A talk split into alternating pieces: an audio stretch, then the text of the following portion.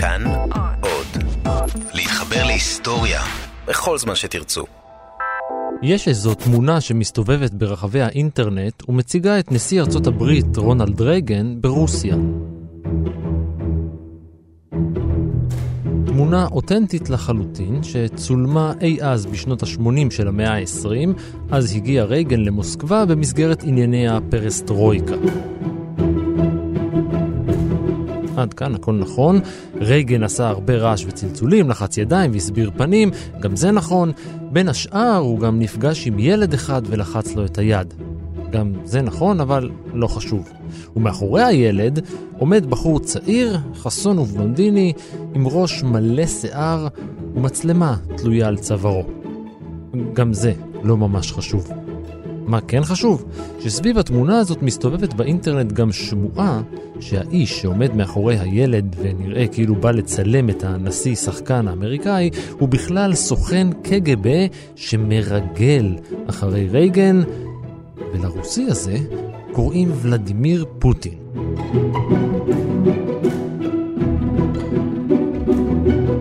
ולמה זו שמועה? כי באותו הזמן פוטין שירת בארגון הביון הסובייטי בדרג בינוני. ולא רק זה, אלא שהוא בכלל היה מרגל שהוצב בדרזדן שבגרמניה המזרחית. הוא לא היה חשוב מספיק כדי להיקרא למשימה במוסקבה. נכון, יש מי שטוען שהוא היה בחופשה בעיר, אבל אם משווים תמונות שלו מאותן השנים, מגלים שמדובר באיש מקריח, ויותר שמן. לפי עדותו שלו, כששהה בדרזדן הוא שתה כמעט 4 ליטר בירה בשבוע. אבל הגולשים הממוצעים ברחבי הרשת לא נותנים לעובדות לבלבל אותם, ממש לא, אפילו להפך. הם מציגים את הבערות, היעדר המחקר והטעות כעובדות אלטרנטיביות. נראה שהכבוד של מי שאומר דבר מטופש חשוב יותר מהאמת. כך נולד מושג חדש, פייק ניוז. ואם יש מישהו שמתמחה בחדשות כזב, כפי שהמושג תורגם לעברית, אלה הרוסים, ששכללו את העסק במשך שישה עשורים, עד שנדמה שגם להם לפעמים קשה להבדיל בין האמת והאמת החלופית.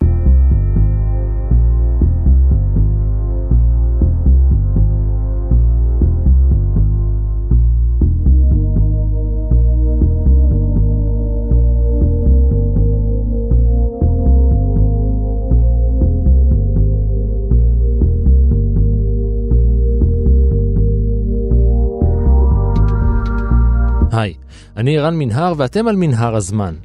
מדי פרק אנחנו מספרים לכם על מקרה שקרה בעבר מזווית שכנראה עוד לא הכרתם. הפעם אנחנו חוזרים אחורה באמת כדי להגיע אל השורשים של השקר הרוסי.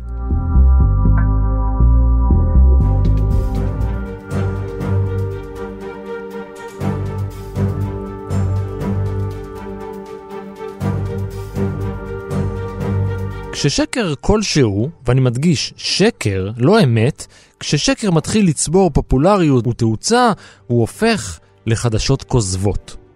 שקר מוחלט, שמופץ, משוכפל, מועתק, משוכתב, משועתק, נקרא, נצרך ונקלט מאות אלפי פעמים ואולי גם מיליונים על ידי אתרים, בלוגים, רשתות חברתיות ובאופן מדאיג שגם הולך וגובר על ידי אמצעי התקשורת המקצועיים.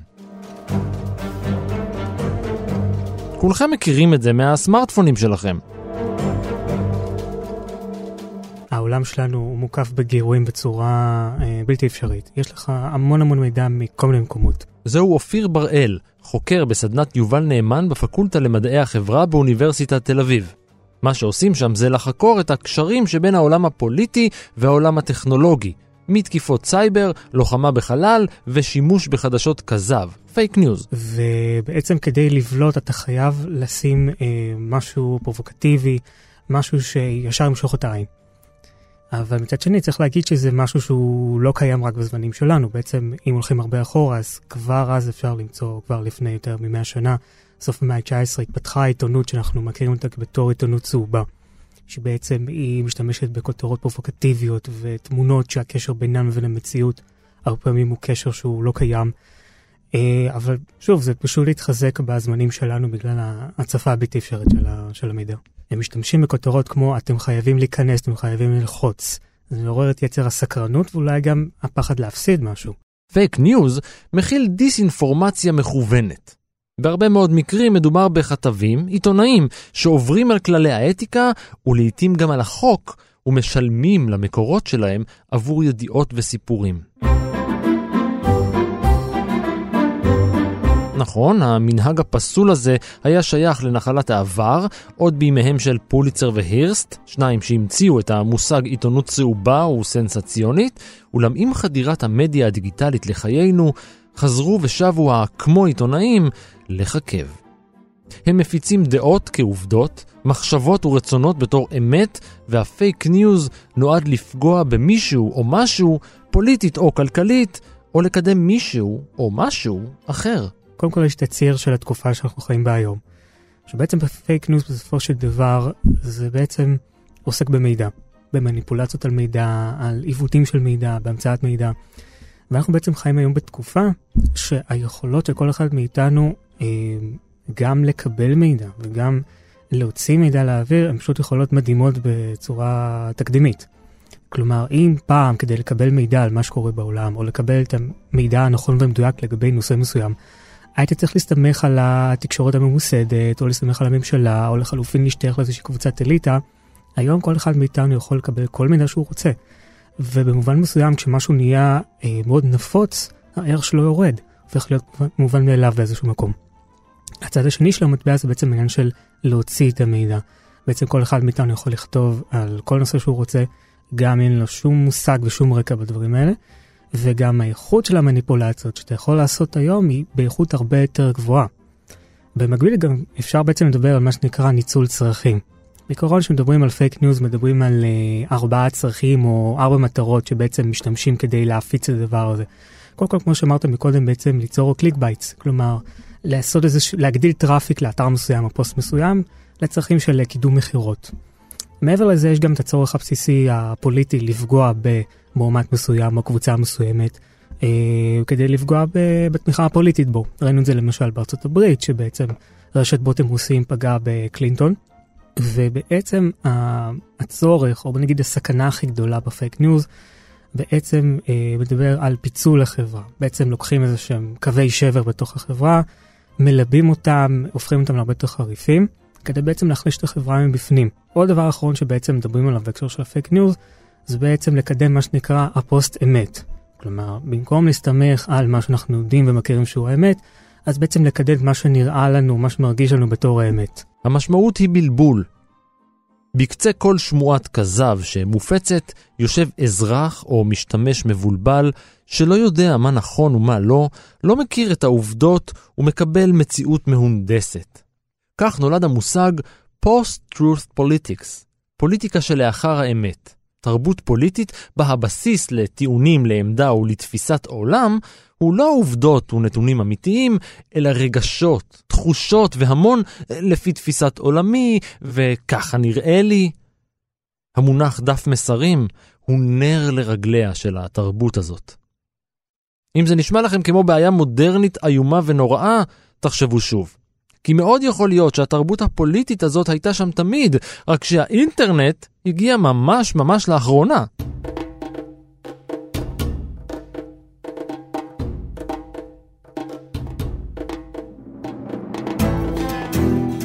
אחד העקרונות החשובים ביותר בהיסטוריה ובהיסטוריה בכלל, וגם אחת הקלישאות, היא שההיסטוריה נכתבת על ידי המנצחים. מי ששרד כדי להשאיר את חותמו, יהיה זה שיכתוב מה קרה. כן, וזה בכלל לא משנה מה קרה.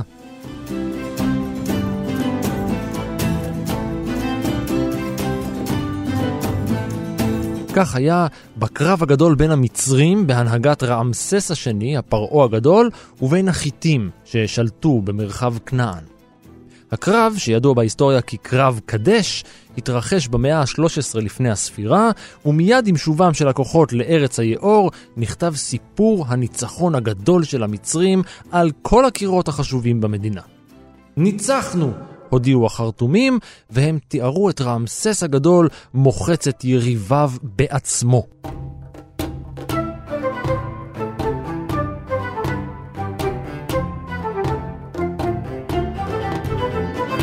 רק שמה שקרה באמת בקרב הזה היה סוג של תיקו. החיטים סיפרו סיפור אחר.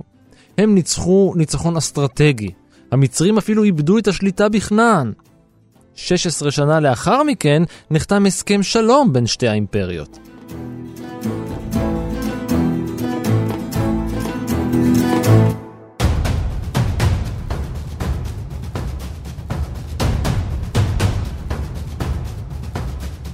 חדשות הכזב היו לאחד הכוחות שעיצבו את אירופה. אוגוסטוס, מי שלימים יהיה הקיסר הראשון של האימפריה הרומית, ניהל קמפיין בחירות מול היריב הגדול שלו, מרקוס אנטוניוס. הוא סיפר שאנטוניוס הוא שתיין, מטריד נשים סדרתי, ובכלל נשלט על ידי המלכה קליאופטרה המצרית. היום אנחנו מכירים את זה כקמפיין נגטיבי. בסופו של דבר, מרקוס אנטוניוס התאבד לאחר ששמע עוד שמועה זדונית, לפיה קליאופטרה התאבדה.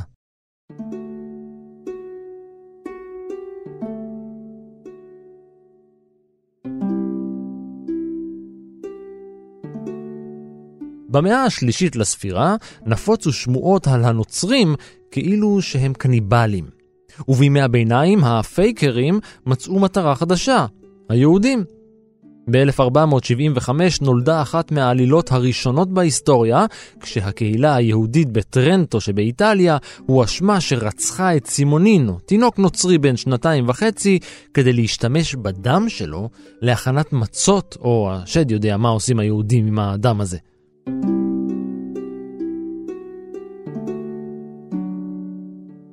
התוצאה הייתה מעצר ועינוי של כל יהודי העיר, 15 מהם נשרפו למוות. לא עזרו הניסיונות להרגיע את ההמונים, כי הסיפור יצא משליטה.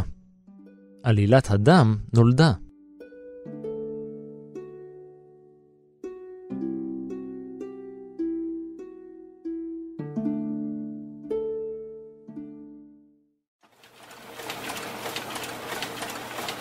ככל שאנחנו מתקדמים בהיסטוריה, אנחנו בעצם רואים, בייחוד במאה ה-18 ובמאה ה-19, שהעיתונות שיש באותו זמן בארצות הברית ובבריטניה, זה לא אותה עיתונות שאנחנו מכירים היום שמתיימרת להיות מאוזנת ואובייקטיבית.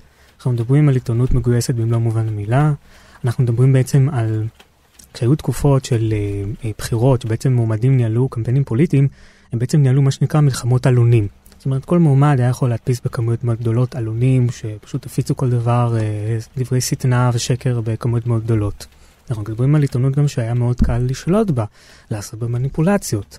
אנחנו מדברים למשל על אה, אחד מנשיאי ארצות הברית הכי נערצים אי פעם, אברהם לינקולן, שבעצם הוא היה נשיא שהוא הבין את הכוח בעצם של העיתונות להעביר את המסר של העם, למען העם, והוא עשה המון המון מניפולציות כדי שבעצם הקו של העיתונות באותו זמן ישקף את מה שהוא רוצה שהוא ישקף. רק בתחילת המאה ה-17, ההיסטוריונים החלו לצטט את המקורות עליהם הסתמכו במאמרים שלהם. אני אתרגם לכם את המשפט האחרון. אפשר לסמוך על ההיסטוריה המתועדת רק משהו כמו 400 שנה.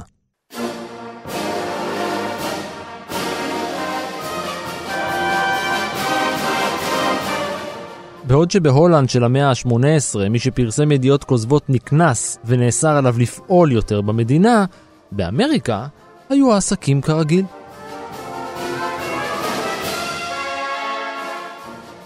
מישהו היה צריך לשכנע את האזרחים הרבים של מושבות הממלכה הבריטית שהגיעה העת למהפכה. בנג'מין פרנקלין פרסם ידיעות שקריות על ילידים רצחניים שמקרקפים את האויבים שלהם ועכשיו משתפים פעולה עם המלך ג'ורג' השלישי. איזה אמריקאי לא היה משתכנע?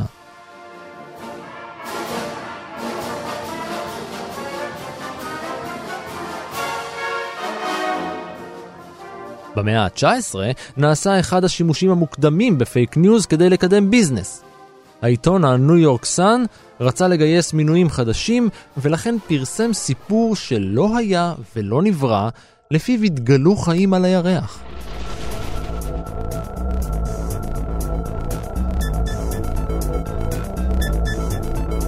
בעצם אה, זה משהו שהוא מאוד רווח, בעצם לדווח על שמועות כדברים אמיתיים. אתן לך דוגמה של למשל אה, ב-1874. הניו יורק הרארד בעצם uh, מפיץ ידיעה של בריחה המונית של חיות טרף מגן החיות בסנטל פארק. ורק בסוף הוא בעצם אומר, כן, זו בדיה. תראה, באותם שנים בעצם, אנחנו מדברים בעצם על המחצית השנייה של המאה ה-19, היה פה איזשהו צורך של אנשים לצרוך את הידיעות האלה, בין אם זה למטרות שעשוע, אה, מטרות אה, שעמום, אני לא יודע, אבל ברור שהיה פה איזשהו צורך. זה גם מקדם את המכירות של העיתונים, כלומר, זה מצב ששני הצדדים מרוויחים בו בעצם.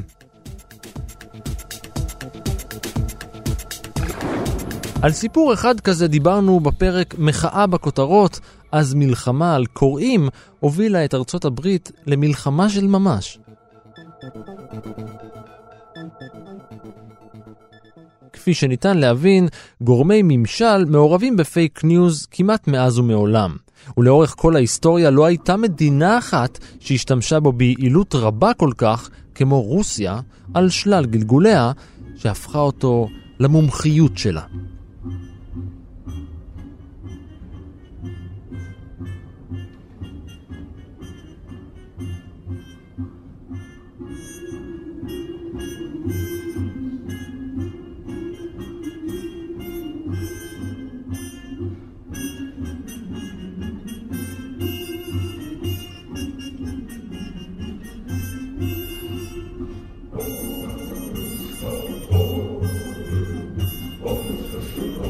ב-19 באוקטובר 1945, עם סיום מלחמת העולם השנייה, כתב הסופר ג'ורג' אורוול מאמר לעיתון הבריטי הטריביון, שנקרא "אתה או אתם והפצצה האטומית".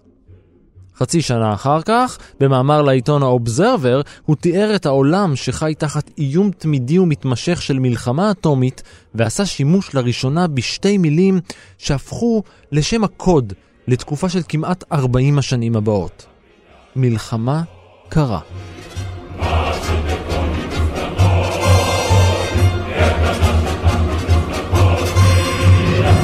אז בעצם כשמדברים מלחמה קרה, זה נקראת קרה מפני שלא היה עימות צבאי ישיר בין שתי המעצמות הגדולות. כן היה עימותים צבאיים בין הפרוקסיס שלהם. אבל אנחנו מדברים על עימות שהוא כלכלי, פוליטי, טכנולוגי, תרבותי, שהכל נשען בסופו של דבר על הבדלים שלא יגושרו בין שתי תפיסות עולם. שפשוט לא יכולות להיות באותו פלנט, אם תרצה. מצד אחד התפיסה המערבית, הליברלית, הדמוקרטית, ומצד שני התפיסה הקומוניסטית הריכוזית. ובסופו של דבר המלחמה הקרה זה מאבק שהוא בין רעיונות. וכשאתה נלחם מול רעיונות אתה חייב להשתמש במלל, במסרים, במדיה בעצם, כדי לזכות, ב... לזכות ביתרון. המלחמה הקרה וכל מה שקרה בה במשך עשורים הולידו גם את אחת הדמויות המוכרות והאהודות ביותר בהיסטוריה של הספרות והקולנוע, הסוכן 007, ג'יימס בונד.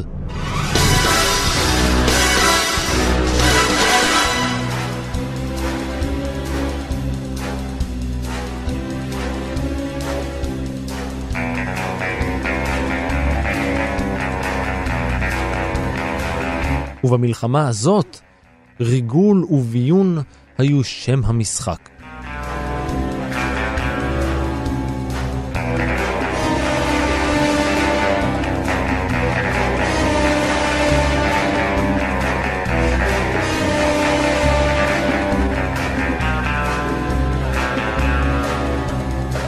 והרוסים היו נחושים לנצח במלחמה הקרה הזאת.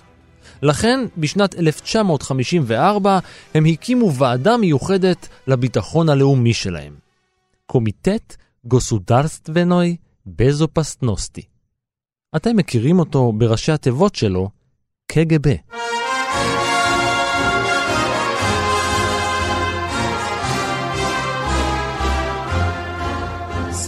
Stamattina mi sono alzato Oh bella ciao, bella ciao, bella ciao, ciao, ciao, stamattina הוועדה הזאת הייתה בעצם הסוכנות הממשלתית העליונה לכל מה שקשור בביטחון לאומי, בביון, במשטרה חשאית ובכל מיני ענייני ריגול. ולא רק ברוסיה הסובייטית, אלא בכל מדינות הגוש הקומוניסטי הוקמו ארגונים בפורמט זהה.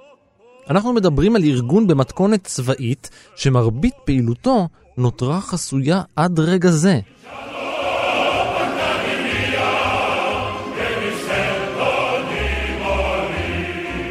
אז בעצם אה, הקג"ב הוא כמובן היה אחראי על כל פעולות הריגול, כמו שאנחנו מכירים בסוכנויות ריגול אה, במהלך המלחמה הקרה, אבל באמת תפקיד מאוד מאוד מרכזי וחשוב שגם מתקשר בעצם לנושא שאנחנו מדברים עליו היום, זה מה שנקרא הפעלת, באנגלית זה נקרא Active Measures. זה בעצם איזשהו מונח שמוצע על ידם, שבעצם מתאר שלל צעדים של לוחמה פוליטית. בין אם זה הצטרף, אה, עזרה לארגוני מחתרות ברחבי העולם שמשרתים את האינטרסים של ברית המועצות, אה, הצטרפות אפילו לארגוני שלום, קידום תנועות פציפיזם, התנגשויות פוליטיות וכן הלאה וכן הלאה, וגם בתוך זה אנחנו מדברים על פעולות של דיסאינפורמציה, שזה חלק מאוד חשוב בפעילות הזאת. השיטות היום שהממשל הרוסי על שלוחותיו השונות משתמשים כדי לקדם פייק ניוז זה משהו שאנחנו כן רואים אותו אפילו בשבועות האחרונים. ששיטות וטקטיקות שהממשל משתמש כדי להפיץ פייק ניוז זה משהו שמועתק למדינות אחרות, לארגונים אחרים ברחבי העולם.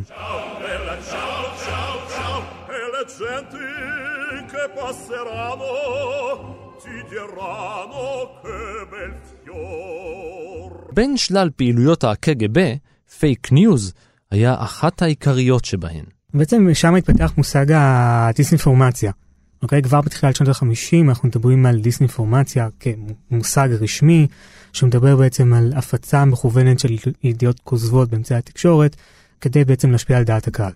בעצם אה, אנחנו יכולים לדבר על מחלקה שנקראת מחלקה A, שהיא בעצם ריכזה את כל הפעילות של הייצור, של התכנון, של ההפצה של פייק ניוז ברחבי העולם. שבמחלקה עצמה, אמנם בשיא הפעילות שלה עבדו 120 אנשים, אבל כשאתה מחבר את כל האנשים ברחבי הארגון הזה שעבדו עם הארגון הזה ויצרו חומרים בשבילו, אנחנו מדברים על כמות של 15 אלף איש שעסקו בזה באופן שיטתי, יומיומי, לא פעם ב... הסיפור שזכה להכי הרבה תעודה ותפוצה זה בעצם מה שנקרא Operation Infection. בעצם בקיץ 83 מתפרסם אה, באיזה עיתון בהודו מכתב שנכתב כביכול על ידי אה, מדען אמריקאי שאומר שבעצם שצבא ארצות הברית במעבדות שלו במרילנד פיתח איזשהו נשק של לוחמה ביולוגית שקצת יוצא מכלל שליטה, שהוא בעצם מיועד להרוג אוכלוסיות של שחורים והומוסקסואלים, וזה מה שמוכר באותם שנים כבתור בעצם נגיף ה-HIV. והסיפור הזה בעצם הוא סיפור שהוא מתפשט במשך uh, כמה שנים ברחבי העולם.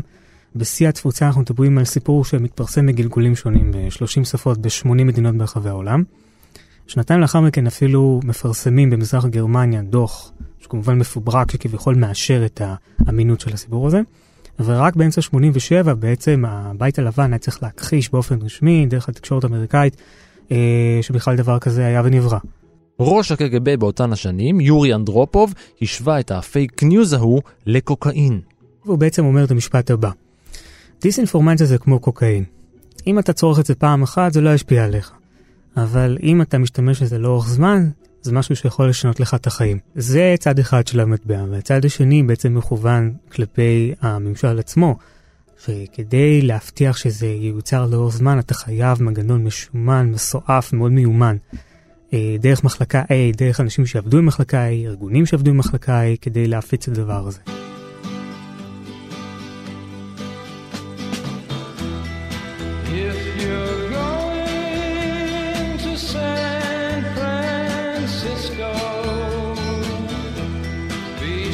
בשנות ה-60, בעוד אמריקה חווה תקופה של התעוררות רוחנית ופתיחות המודעות עם דור ילדי הפרחים והמחאה נגד המלחמה בווייטנאם, הפייק ניוז הוא אחד מכלי התעמולה היעילים ביותר לשימור הסדר הישן.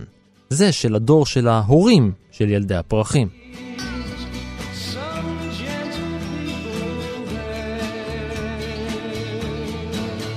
אז בעצם כשאנחנו מדברים על התקשורת במהלך המלחמה הקרה, אנחנו מדברים על הפייק ניוז כחלק ממגמה יותר גדולה, שאפשר לזהות אותה לפי תקופות.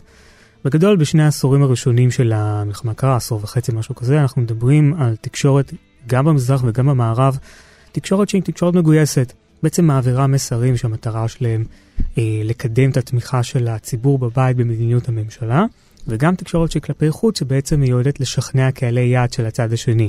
למשל לארצות הברית שהפעילו את כל אמריקה. אה, שידורי רדיו שבעצם פנו לאנשים במזרח אירופה ונועדו בעצם ליצור אה, מניפולציות של פחד, של השפעה, כדי בעצם אה, להעביר את התמיכה שלהם לגוש המערבי. גם הרוסים כמובן עושים אותו דבר כלפי הגוש המערבי. אבל יש, צריך להגיד שכן היו אמצעי תקשורת במערב שכן הלכו לכיוונים אחרים, כיוונים יותר חיוביים, לקדם את הדברים הטובים. למשל ה-BBC הרבה לתאר את היתרונות בחיים במערב, חופש, חירות, קדמה טכנולוגית. כל הדברים האלה. אבל מעניין שדיברת על מלחמת וייטנאם, כי זו דווקא נקודה שבה התקשורת, הברית לפחות, היא כן משנה את הכיוון שלה. אנחנו רואים מלחמה שנמשכת כעשור, אנחנו כן רואים השתנות שלה, של, ה, של התקשורת.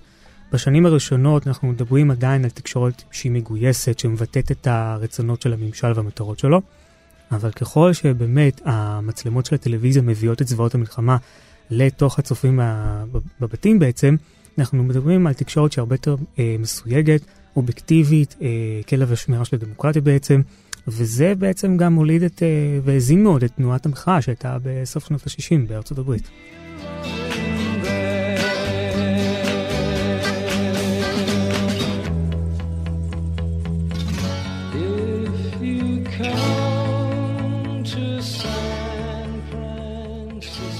בסוף שנות ה-80 הגיעו לסיומן שתי אבני דרך בהיסטוריה.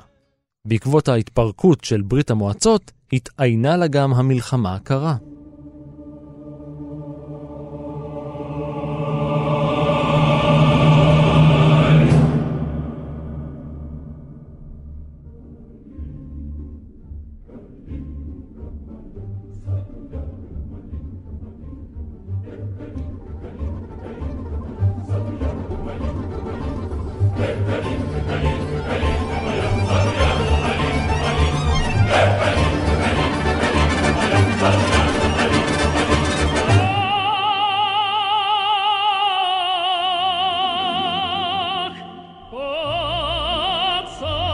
הרוסים צמצמו משמעותית את תקציב הצבא שלהם, וכל המדינה החלה בתהליך ארוך של בנייה מחדש. מברית המועצות של הסובייטים ועד רוסיה המודרנית שאנחנו מכירים כיום, עבר המון המון זמן, ועוד יותר מכך, תהפוכות פוליטיות, חברתיות ותקשורתיות. שכן רוסיה של פוטין היום היא מעצמה מטורפת של פייק ניוז. אין מדינה ששולטת בנרטיב שלה באמצעות הפצת חדשות מומצאות מאשר רוסיה. איך זה קרה? התשובה במילה אחת, פורנו. בשתי מילים, נקניקיות ופורנו. קודם כל קצת רקע היסטורי, כי זה משהו שהוא חייב להיות. בעצם אה, שנות ה-90 ושנות ה-2000, השנים שאחרי המלחמה הקרה, בגדול זה שנים שהן לא טובות עבור הממשל הרוסי, כשהוא מסתכל החוצה. הוא בעצם רואה גם את ארצות הברית, גם את האיחוד האירופי, גם את סין, מדינות שבעצם היוו יריבות מאוד חזקות ומאוד מושבעות. שהמדינות האלה בעצם הופכות להיות הרבה יותר חזקות מבחינה כלכלית, פוליטית, צבאית, כל בחינה שתרצה.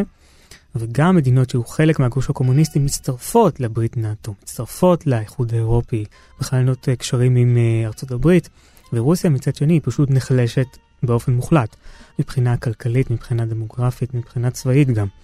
ובשנות האלפיים אנחנו בעצם מדברים בשנת 2008 על מלחמת רוסיה-גיאורגיה, שהיא בעצם אה, הייתה מלחמה שאומנם מבחינת פערי האיכות הצבאית, אנחנו יודעים לאן אה, הלך הפער, אבל המלחמה הזאת הוגדרה כקטסטרופה עבור הממשל בגלל התוצאות שלה, שבסופו של דבר הממשל לא ידע למנף את התוצאות בשטח להישג ממשי. ופה בעצם יש אה, אה, תפיסה, הבנה של הממשל הרוסי, בראשו עומד פוטין, שאגב, הוא יוצא הקג"ב ומכיר טוב מאוד את ה-Active יש בעצם הבנה שחייבים להשתמש באינטרנט, ברשתות החברתיות, כדי בעצם לקדם הרבה יותר את המסרים והנרטיבים של הממשל הרוסי.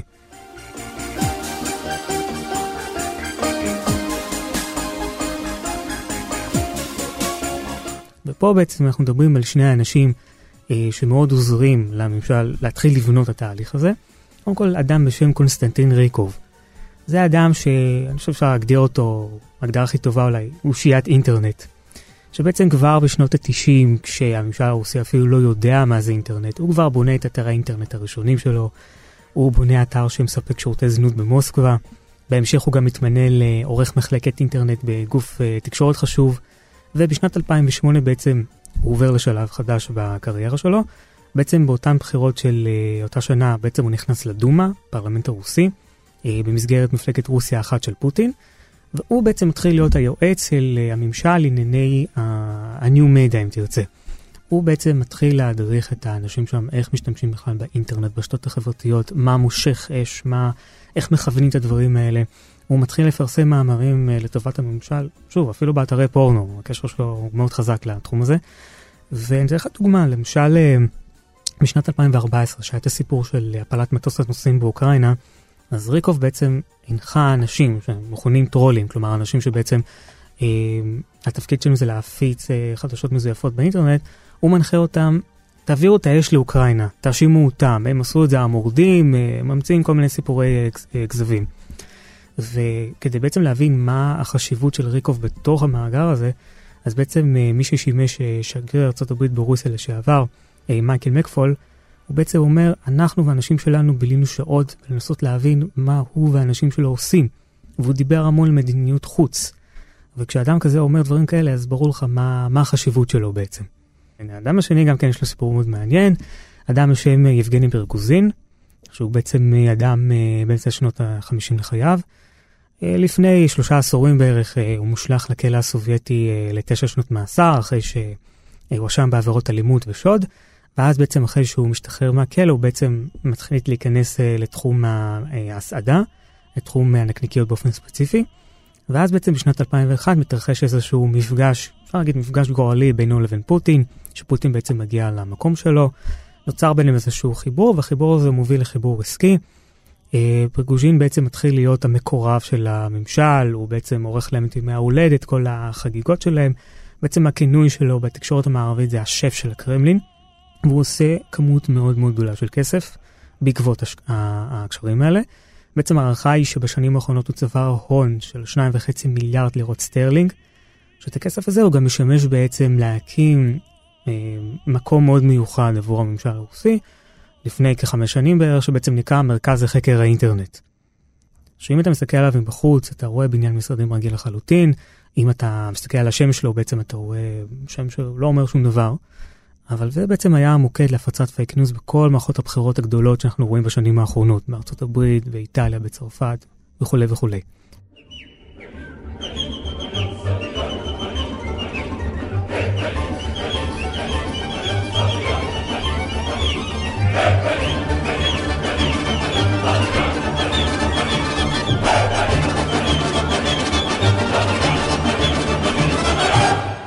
20 הידיעות הפופולריות ביותר ברשתות בנוגע לבחירות 2016 בארצות הברית היו שקריות. ידיעות חדשותיות של ממש מאמצעי תקשורת רציניים ומקצועיים היו פחות מושכות בעיני הציבור. And that's something that Nazi Germany would have done and did do. I think it's a disgrace. That information that was false and fake and never happened במהלך הקמפיין שלו לנשיאות, דונלד טראמפ היה האחראי הבלעדי להרחבת השימוש במונח פייק ניוז.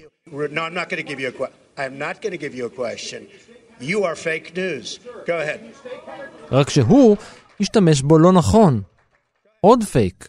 הוא בכלל התכוון לצורה בה התקשורת מסקרת אותו.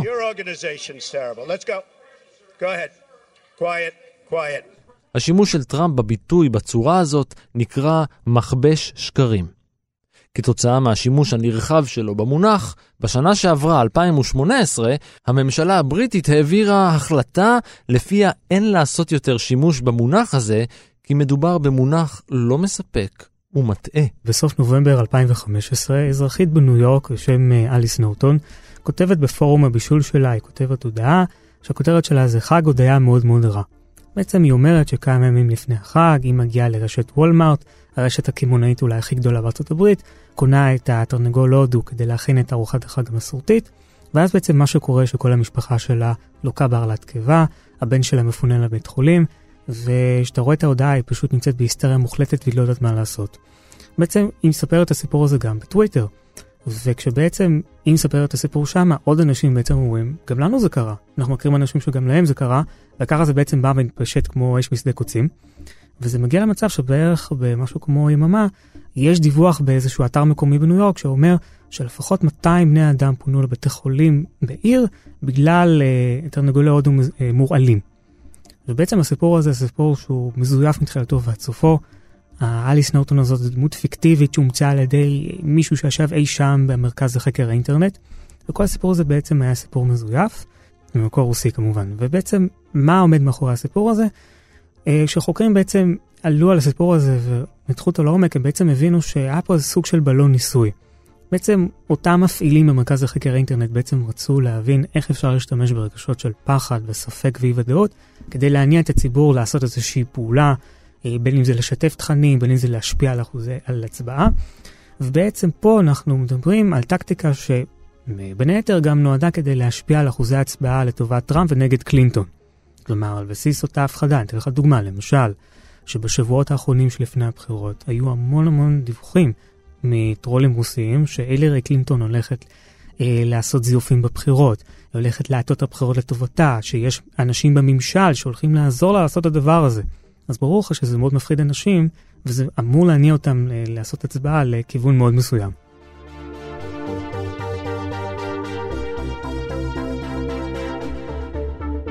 הפייק ניוז היה אחד המרכיבים הקריטיים במערכת הבחירות האחרונה בישראל. למה הישראלים כל כך רגישים לזה? בישראל כמו בכל מקום אחר בעצם, גם פה אנשים סקרנים, אנשים רוצים לדעת, אה, בייחוד מדינה קטנה כמו פה, שכולם רוצים להיות ראשונים, ואנחנו מכירים את הרב סרן שמואטי שעלה בדרגות בינתיים. אז בעצם אפשר לראות גם בבחירות שהיו אי שם לפני שלושה חודשים, אנחנו יכולים לראות בין היתר גם פעילות רוסית, גם פעילות שמגיעה ממקורות אחרים. אנחנו מדברים בעצם על uh, רשת של בוטים, חשבונות מזויפים רוסיים, שמנסה לשכנע עיתונאים שלנו פה בארץ, לפרסם סיפורים שיש להם כביכול קשר לישראל, שמגובים על ידי מקורות רוסיים, למשל שצה"ל, uh, יחידה מובחרת שלו מעורבת במלחמה באוקראינה, שהמשפחה של uh, נתניהו מתנצרת, שליברמן סוכן רוסי, ועוד כהנה וכהנה כאלה סיפורים. במקביל אנחנו גם רואים, כמה חודשים לפני כן אנחנו רואים איזשהו מאמץ של אה, טרולים רוסיים להשפיע על יחסי ישראל לארה"ב, זה קמפיין שדווקא היה בארה"ב, לא היה פה, לא היה פה בישראל, שבעצם נועד אה, להגביר את התמיכה בנתניהו וטראמפ, שבגדול התמה של זה הייתה, נתניהו וטראמפ הם אה, מנהיגים שהם אפשר להגיד אפילו אחים, הם בעלי ברית, הם אה, מש, אה, מביאים את יחסי ישראל לארה"ב לשיא וצריך לתמוך בהם. אז מבחינת uh, הרוסים וטראמפ אנחנו יודעים להצביע על קשרים ארוכי טווח uh, שהולכים uh, בערך 30 שנה אחורה בין טראמפ לבין אנשים בתוך הממשל הרוסי. אמנם דוח מולר קבע שטראמפ לא היה מעורב בניסיונות uh, רוסיים להשפיע על הבחירות, אבל ברור שיש כאן איזושהי מערכת יחסים מאוד ענפה, קשרים כלכליים, עסקיים, שהולכים, uh, בעיקר בתחום הנדל"ן אגב, שהולכים uh, הרבה שנים אחורה. מבחינת נתניהו זה משהו ש... בוא נגיד מנקודת, המבט שלי בעצם, אפשר בעצם לומר שנתניהו הוא מוזהה מצד אחד כמנהיג שהוא מנהיג חזק, אבל מצד שני גם מנהיג שהוא מאוד מאוד שנוי במחלוקת. וכל מקום שיש שם רגשות, כל מקום שאפשר לעשות פרובוקציה, שם בעצם הפייק ניוז נכנס כדי, מה שנקרא, לנפח את זה עוד יותר.